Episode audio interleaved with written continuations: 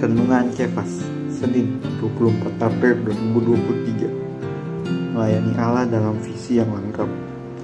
Amsal pasal 29 ayat 16 Bila tidak ada wahyu menjadi rianglah rakyat. Berbahagialah orang yang berpegang pada hukum. Beberapa orang Kristen melayani Allah menurut visi dalam keempat kitab Injil Perjanjian Baru yang membicarakan ministry buminya Kristus Beberapa orang melayani Allah tanpa visi apa pun.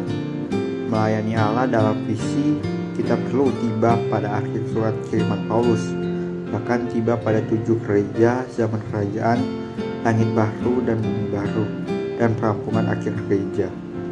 Yerusalem baru dalam kitab Wahyu.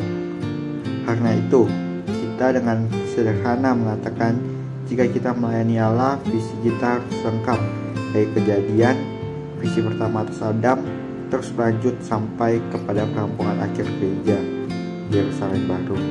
Sobat Kefas, hari ini kita telah melihat bahwa kehidupan kita adalah kehidupan untuk melayani Allah dan bukan untuk diri kita sendiri. Di dalam melayani Allah, kita memerlukan visi yang lengkap. Ada gulungan gambar Qingming di Museum Old Place di Taipei. Itu adalah suatu lukisan yang amat panjang melukiskan secara detail kebudayaan Cina. Untuk melihat pandangan atau visi yang lengkap dari kehidupan dan dalam kebudayaan Cina, seseorang tidak bisa hanya melihat bagian depan lukisan tersebut, tapi harus melihatnya dari awal hingga akhir.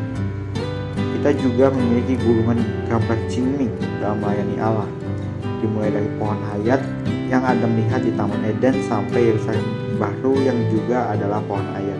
Yerusalem baru adalah bagian akhir dari visi ini. Setelah itu tidak ada lagi diperlihatkan kepada kita.